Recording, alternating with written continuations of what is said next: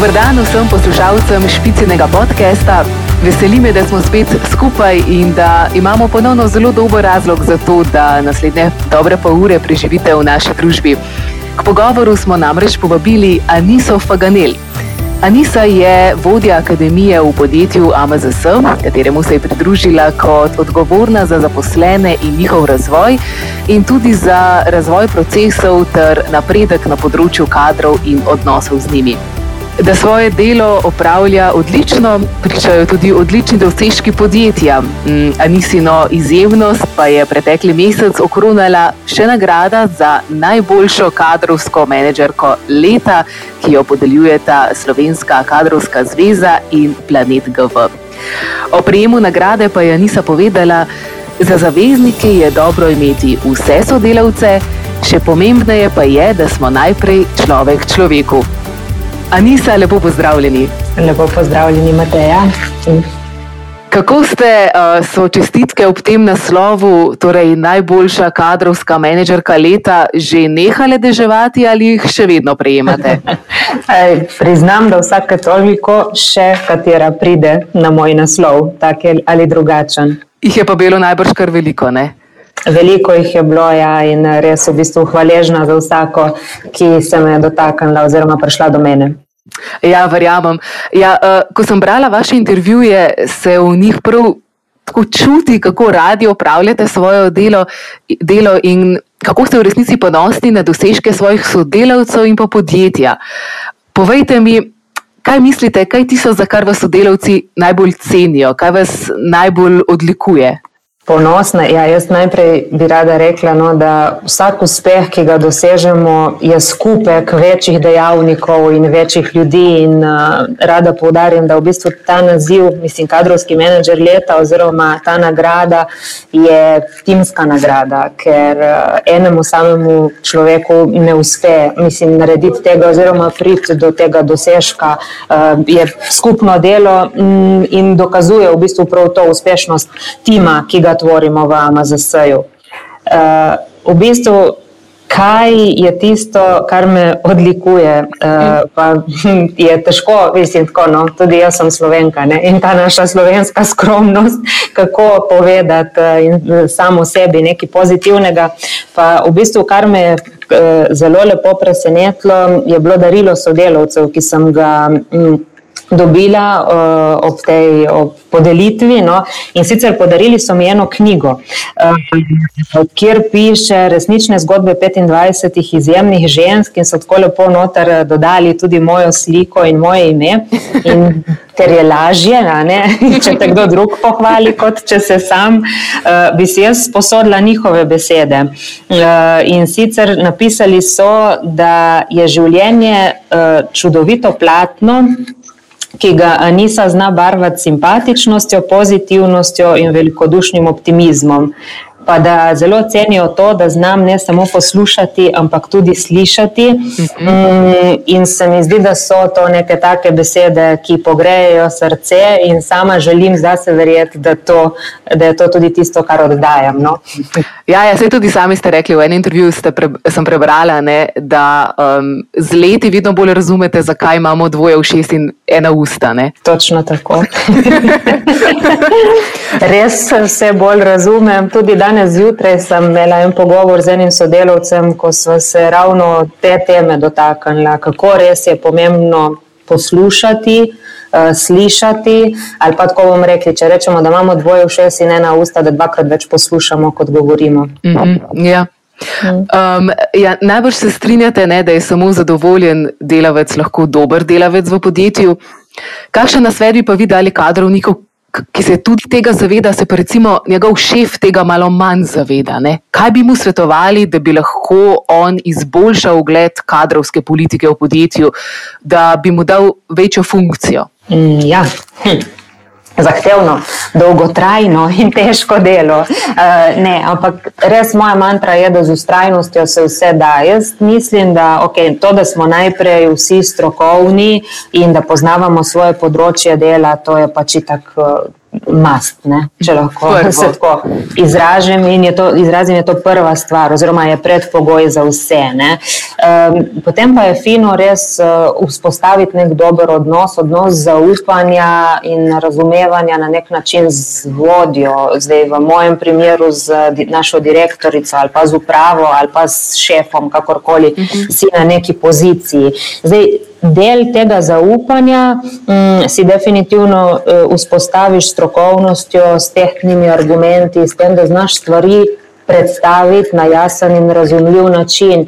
In kdaj jaz rečem, da tako kot smo kadrovi, ki zavezani ljudem, razumemo ljudi, oziroma moramo biti uh, tako razumevajoči do odnosov in ljudi, na drugi strani moramo razumeti tudi logiko poslovanja podjetja, to neko širšo zgodbo um, in kdaj uporabiti uh, tudi ekonomski jezik, ja. ki ga naši, bom rekla, voditelji, menedžerji mogoče malce bolj razumejo. To so lahko tako neke prednosti, s katerimi pristopimo do uprave, do vodje, da Oni razumejo, da mi razumemo ljudi, na drugi strani pa razumemo tudi potrebe same organizacije ali pa poslovanja, no, poslovne logike, če sem bila približno. Ja, ja, ja eh, razumem. Ja, seveda, v bistvu ste kadrovniki nek tak vezni člen um, med zaposlenimi ne, in pol direktori na drugi uh, strani. In morate govoriti v bistvu oba jezika in jih tudi razumeti.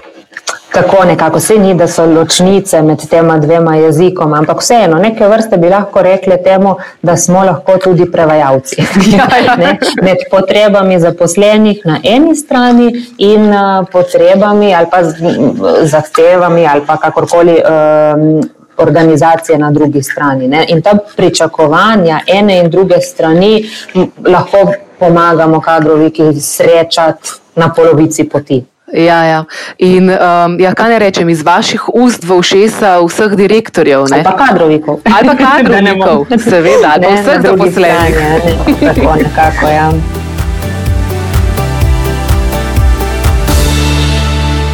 Na vašem podjetju, ne, torej na MZS-ju, kjer ste zdaj že dobra štiri leta, imam prav? Tako je, ja. ja um, se očitno ne zelo dobro zavedajo pomembnosti kadrov. Prebrala sem tudi, da ste v podjetje upeljali ne malo sprememb. Ena od teh pa je, da ste oblikovali kompetenčni model za vodje in zaposlene. Ali nam lahko malo bolj razložite, kaj je to in katere kompetence zasledujete? Eh, ne sama, ne, ampak s timom ljudi in sodelavcev smo to skupaj naredili, postavili ta kompetenčni model. Se ni, bom rekla, da je to nekaj, kar ni navadna praksa v vseh podjetjih, da imamo kompetenčne modele, oziroma da se po njih ravnamo in zasledujemo razvoj nekih določenih kompetenc. Mogoče smo se malenkost drugače pred leti lotili te zgodbe v AMZS-ju in sicer smo začeli z takim bom rekla, malo bolj enostavnim modelom kompetenc ali pa bolj preprostim, bolj flet na nek način. Uh -huh. uh, in sicer, da smo najprej postavili kompetence vodi, kaj so kompetence vod vsakega vodja v AMZS-ju in smo skupaj s celotnim timom vodi, širši kolegi, uh, rečemo mi temu, uh, oblikovali oziroma izbrali, našli pet kompetenc, ki nam najbolj pristojijo oziroma ki jih želimo čim bolje uporabljati uporabljati pri svojem delu. Uh mhm. -huh. Te kompetence so um, komunikacijske spretnosti, timsko delo, cilj, uh, ciljno vodenje pri vodih, agilnost in pa inovativnost. Na podlagi tega smo pa potem za vsako od teh kompetenc seveda določili neka ciljna vedenja, ki jih želimo pač uh, ohranjati, izboljševati, zato ker verjamemo, da doprinašajo k končnemu našemu cilju in to je seveda neka zadovoljna stranka na koncu, ne? ali pa zadovoljni sodelavec, ali pa mislim, ker je na ta način potem tudi stranka se vrača, eh, sodelavec je uspešen pri svojem delu in je zato bolj zauzet in tako naprej in smo potem kot družba boljši. Potem smo pa ta isti model razširili še na vse zaposlene, ker smo rekli, tudi zaposleni bodo gojili oziroma pri zaposlenih skupaj z njimi bomo gojili teh pet temeljnih kompetenc, pri čemer smo ciljno vodenje zamenjali samo za ciljno usmerjenost. In potem smo spet nabrali skozi ene uh, letna usposabljanja oziroma razvojne dneve, ki jih organiziramo vsako leto za vse zaposlene, skupine ljudi, vseh 400 uh, sodelavcev. Takrat smo vprašali, kako pa oni vidijo izražanje, pozitivno izražanje teh kompetenc, skozi katera vedenja, in smo potem v tem kompetenčnem modelu skupaj z zaposlenimi oblikovali tudi uh, po pet, štiri do pet ključnih vedenj za posamezno kompetenco. Mhm. In od tam naprej. Zdaj ta, te kompetence ocenjujemo skozi razvojne letne pogovore, skozi 360-stopensko analizo in pogledamo, kje so, oziroma tudi assessment smo naredili za vodje, in potem pogledamo,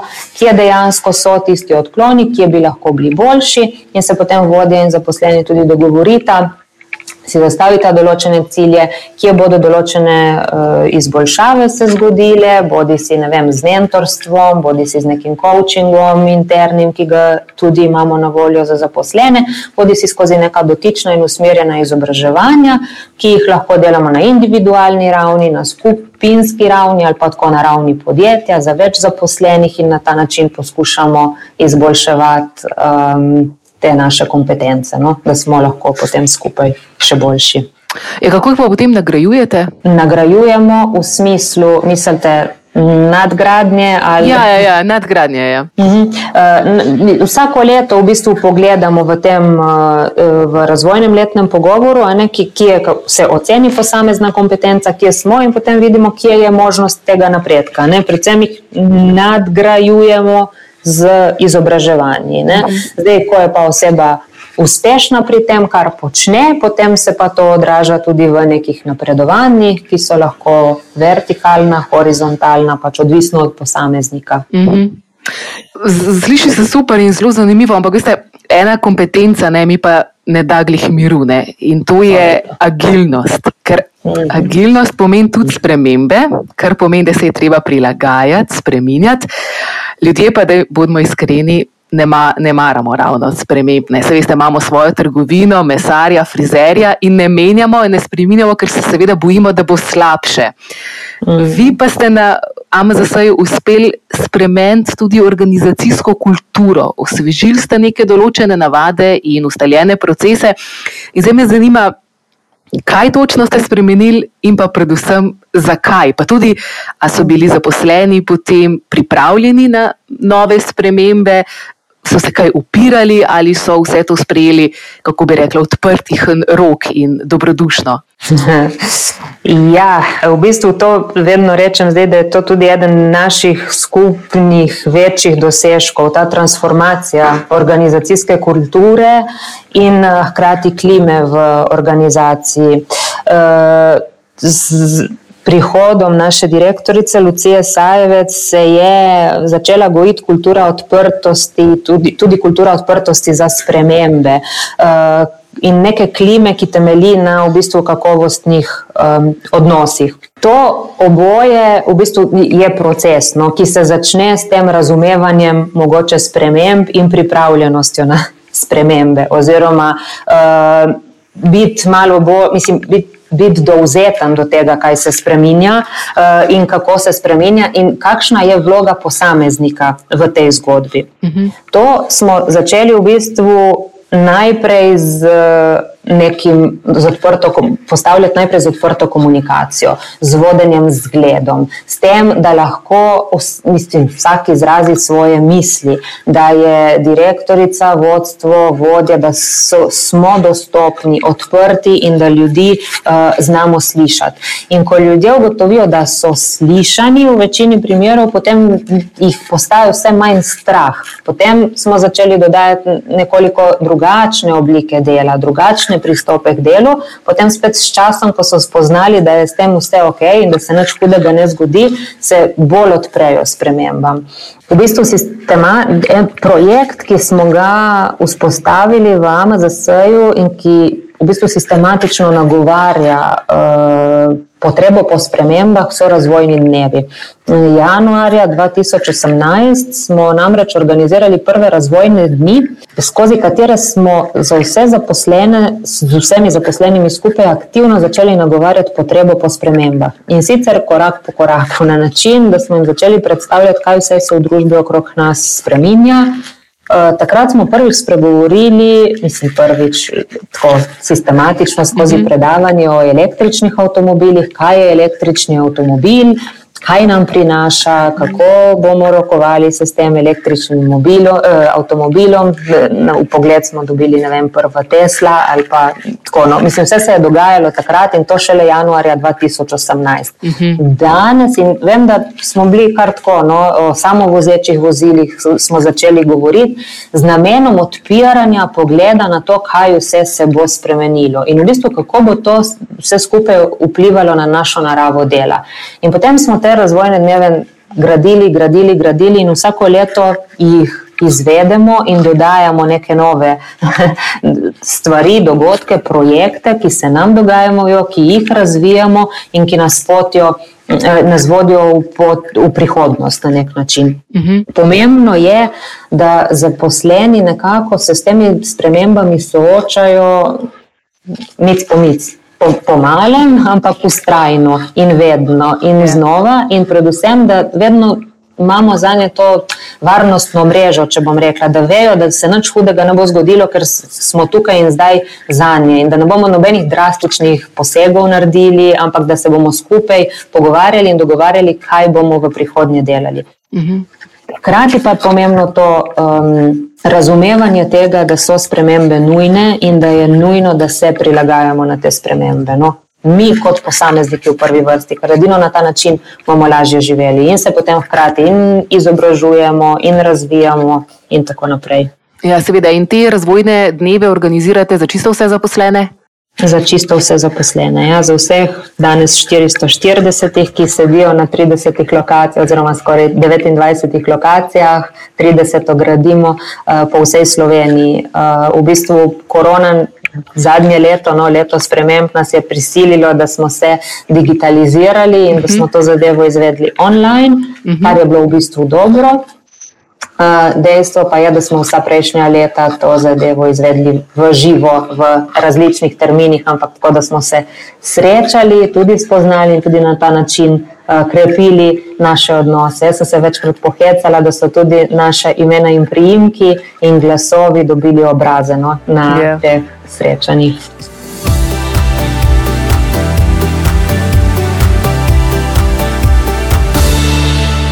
Ja, eh, super, upam, da boste letos, eh, če ga še niste, oziroma drugo leto spet eh, organizirali v živo. Te svoje razvojne dneve. Um, zdaj, pa, ko smo že glih pri koroni, ne, uh mhm. -huh. da se še tega um, malce dotakneva.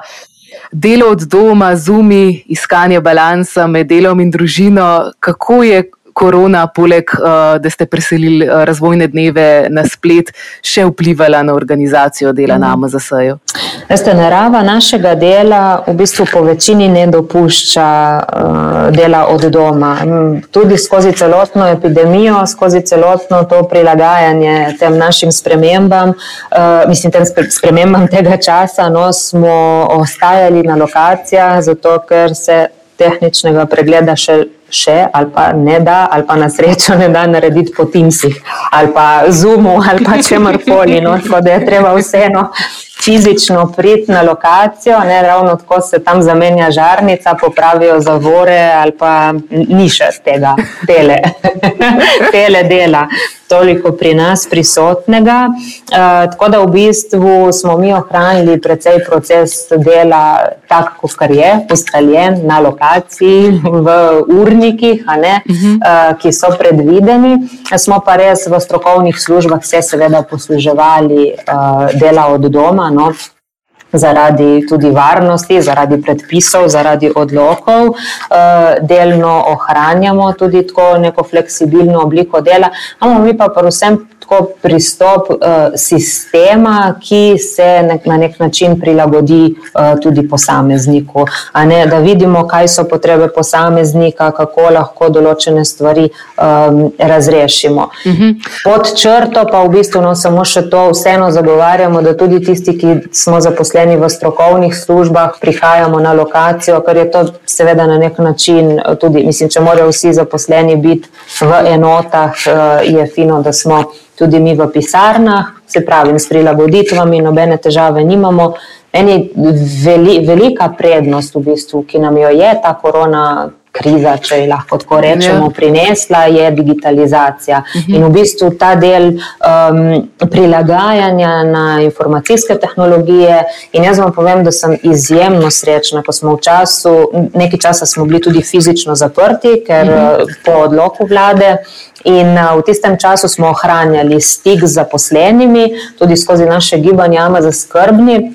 Zato, da smo ljudi potolažili, pomirili, da smo se slišali, da so vedeli, da bo vse normalno funkcioniralo, recimo, ko se vrnemo nazaj in tako naprej, da smo si tudi te strahove uh, izpovedali. In veste, na virtualne kavarne smo organizirali in mhm. ljudje, naši mehaniki, jaz rada rečem, izjemni ljudje so se od doma preko telefona povezali na Teams, ja, da smo se super ja, videli, srečali, pogovorili, pa ne vem, novoletno zabavo smo lani organizirali tudi preko preko Zuma, sicer zato, da smo lahko še kup nekih dodatkov zraven upeli.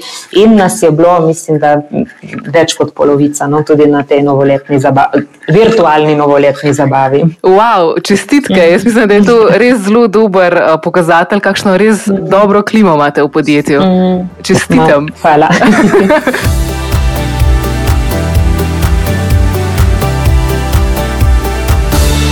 Še nekaj me zanima. Ne? Um, greva zdaj še se odmakniva malo stran od te korone, pa se posvetiva še številkam. Okay. Kadrovska politika se včasih ni pretirano ukvarjala s številkami. Ne? Danes pa uporabljamo številke tudi za spodbujanje uspešnosti in pa za razvoj kadrov. Najpogostejše meritve, ki jih spremlja kadrovska analitika, so recimo podatkovni profili zaposlenih, naprimer prihodki na zaposlenega, stroški usposabljanja, demografski podatki, potem izostanki iz dela, nadure, pa zvestoba podjetju in tako naprej. Pa me zanima, katere podatke pa vi spremljate na AMZS so, uh, ki so vezani na kadre? Je v bistvu že kar vse te, kar ste jih naštela, no? tako da se tukaj sploh ne bi uh, ponavljala. Je pa res, da smo mogoče, um, ali pa da sem tudi sama v zadnjih letih v bistvu odkrila moč podatkov, kaj vse nam lahko povejo in predvsem so tisti naš skriti zaveznik, ki dajo argumentom moč.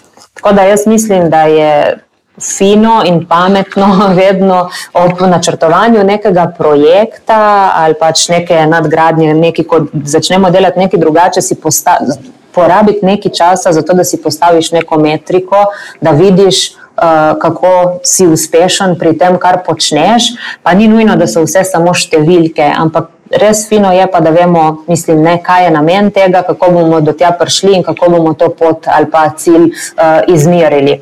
Ko, ko imamo te podatke, to vrstne podatke, je to, tako kot sem rekla, tudi uh, nek argument, ki nam pomaga potem tudi, se veste, od začetka pri tistem ekonomskem jeziku uh mhm. -huh. ali pa pri tem, kako predstavljamo stvari naprej in kako jih argumentiramo. No? Uh mhm. -huh. Tako da definitivno, ja, podatki so pomembni, jaz sama verjamem v moč podatkov.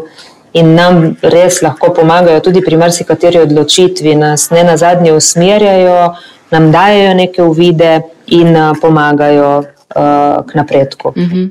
Ja, Anisa, časa nama že malo izteka, uh -huh. um, ampak jaz mislim, da za par hitrih vprašanj nama bo pa še uspelo ujeti čas. Poskusila. Bomo poskusili. Ja. Povejte mi, kaj je pri dobrem kadrovniku pomembnejše, izkušnje ali čut za sočloveka? Fuh, ta je težka.